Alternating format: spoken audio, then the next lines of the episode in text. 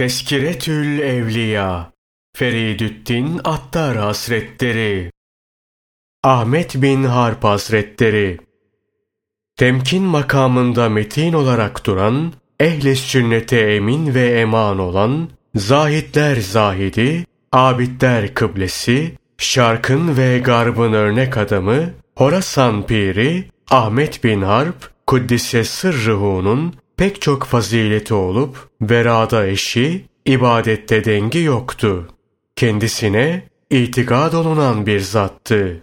O derecedeki Yahya bin Muaz Razi, Kuddise sırruhu bile ben ölünce başım onun ayaklarına gelecek şekilde beni toprağa verin diye vasiyet etmişti. Takvada yüksek bir seviyede bulunuyordu. Şöyle ki ilk zamanlarda Annesi bir tavuk kızartıp önüne getirmiş ve ben bunu kendi evimde beslediğimden helalliğinde hiç şüphe yoktur. Bundan yiyebilirsin demiş. O ise şunu söylemişti.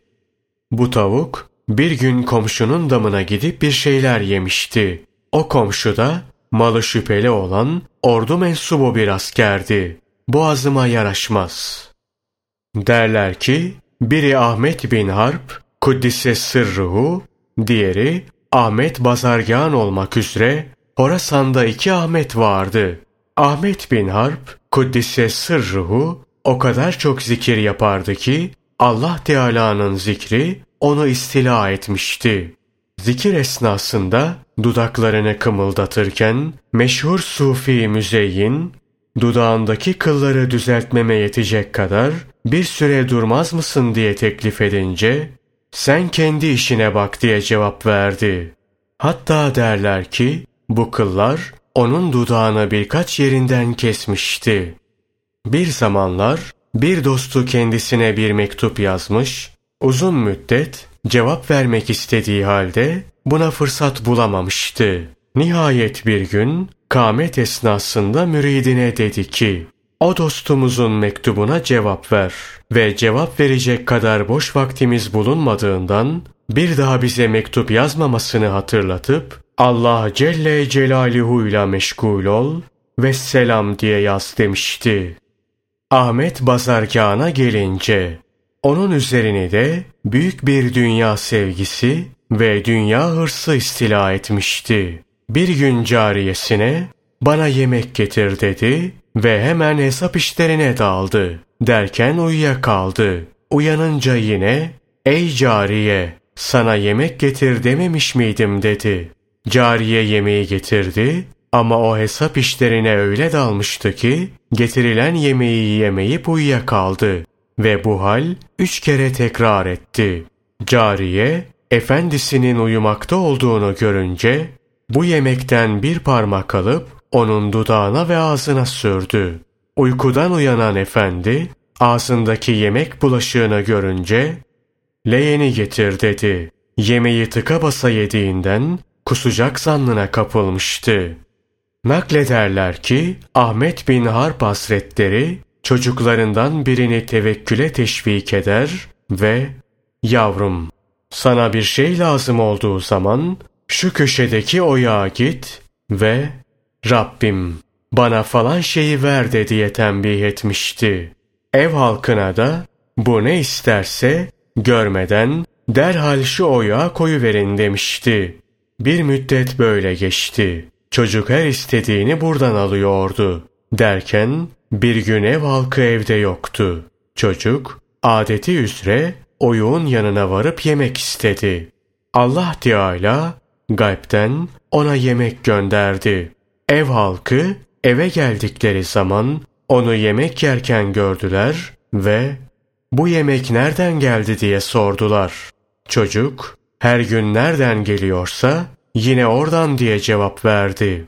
Bunun üzerine Ahmet bin Harp Kuddisse sırruhu artık çocuk için bu yol açılmıştır kanaatine vardı.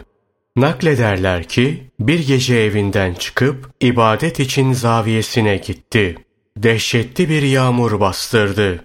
Acaba yağan yağmur odaya damlar da oradaki kitapları ıslatır mı diye hatırına bir fikir düştü. Derhal bir ses işitti. Ey Ahmet! Hemen kalk ve eve dön.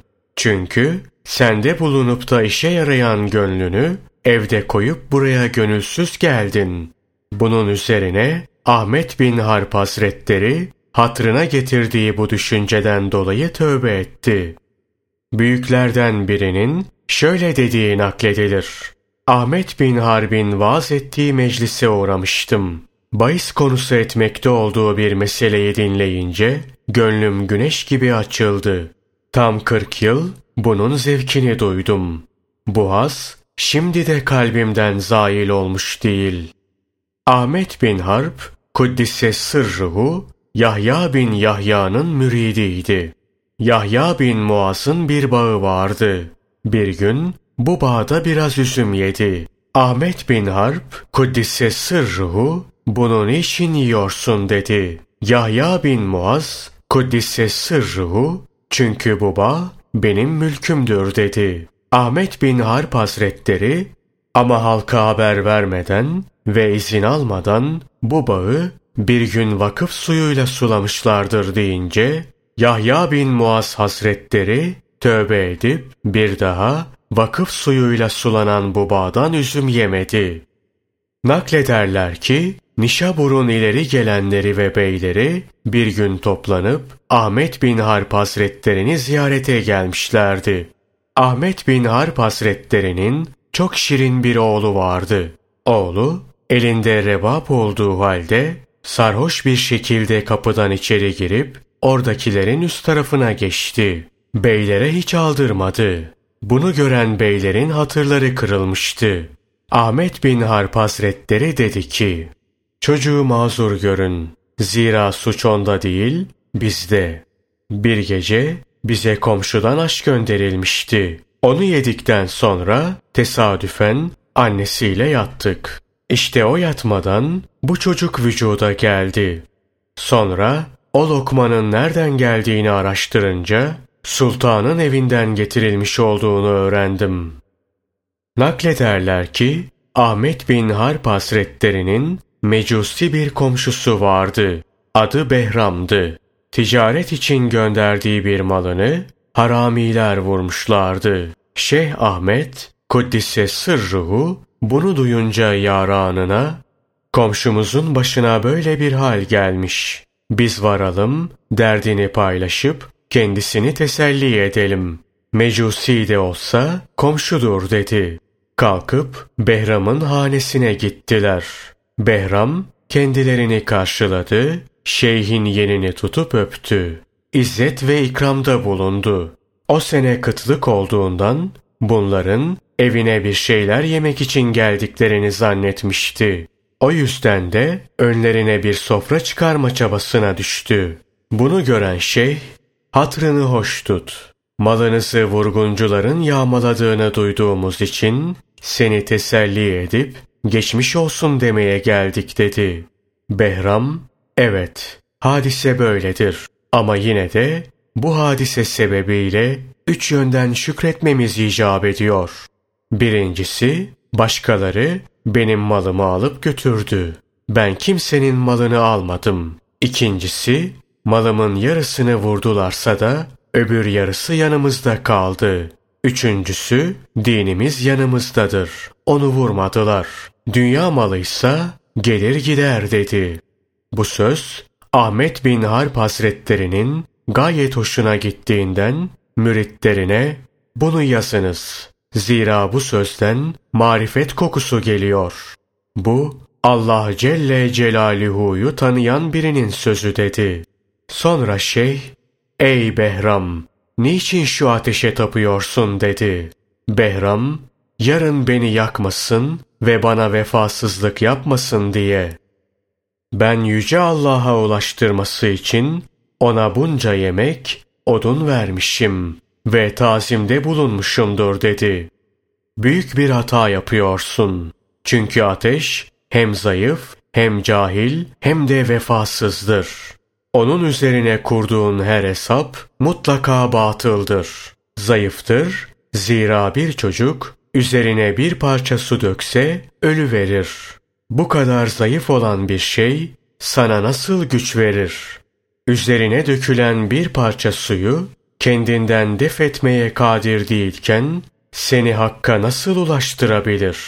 Cahildir çünkü miskle necaset arasındaki farkı bilmediğinden derhal ikisini de yakar. Birinin daha iyi olduğunu anlamaz. Vefasız olduğunun misali şu. Bak, sen yetmiş senedir ona tapıyorsun. Bense ona hiç tapmadım. Gel, ikimiz de elimizi ateşe sokalım. Her ikisini de yakacak mı? Yoksa sana vefa gösterecek mi? Bu sözün tesiri altında kalan Behram, Ahmet bin Harp Hazretlerine, sana dört mesele soracağım. Cevabını doğru verirsen, iman getiririm dedi. Şeyh, sor bakalım deyince, Behram sorularını sıraladı. Allah Teala şu mahlukatı niçin yarattı? Yaratmaya yarattı diyelim. Onlara niçin rızık veriyor? Rızık vermeye veriyor diyelim. Sonra bunları niçin öldürüyor? Öldürmeye öldürüyor diyelim. Peki sonra bunları niçin diriltip haşrediyor? Şeyh cevaplarını şöyle sıraladı. Yaratıcılığını bilsinler diye yaratıyor. Rızık verenin o olduğunu anlasınlar diye rızık verip besliyor. Kahhar olduğunu idrak etsinler diye öldürüyor. Kadir olduğunu bilmeleri için de tekrar diriltiyor. Bu sözleri dinleyen Behram, Eşhedü en la ilahe illallah ve eşhedü enne Muhammeden Resulullah deyip Müslüman oldu. O şehadet kelimesini getirip Müslüman olurken, şeyh bir nara atıp yere düştü ve aklı başından gitti. Aradan bir müddet geçtikten sonra kendine gelen şeyhe yaranı ne hal vaki oldu diye sordular. Şeyh dedi ki, Behram kelime-i şehadet getirdiği an kalbime şöyle nida geldi. Ey Ahmet! Behram 70 yıl sonra iman getirdi. Sense 70 yıllık ömrünü Müslüman olarak geçirdikten sonra bakalım işin sonunda ne olacaksın? Kafir mi, mümin mi? Naklederler ki Ahmet bin Harp Kuddise sırruhu ömrü boyunca hiç uyumamıştı. Bir gece bir an dinlensen ne olur diyenlere dedi ki bir kişi düşünün ki onun için yukarıda cenneti donatıyorlar. Altında cehennemi tutuşturuyorlar. Ve o bunlardan hangisine gideceğini bilmemekte. Böylesi birinin gözüne uyku girer mi hiç? Keşke bana kim düşmanlık yapıyor, kim beni gıybet ediyor ve hakkımda şöyle söylüyor. Bilsem de ona altın ve gümüş göndersem. Benim işimde çalıştığına ve kazandığı sevapları benim defterime geçirdiğine göre benim paramdan harcasın. Dünyanın sizi kandırıp evvelkileri düşürdüğü belaya sizi de düşürmemesi için İzzet ve celal sahibi Allah'tan gücünüz yettiği kadar korkun. Bilginizle amel edin ve dikkatli olun. Vesselam.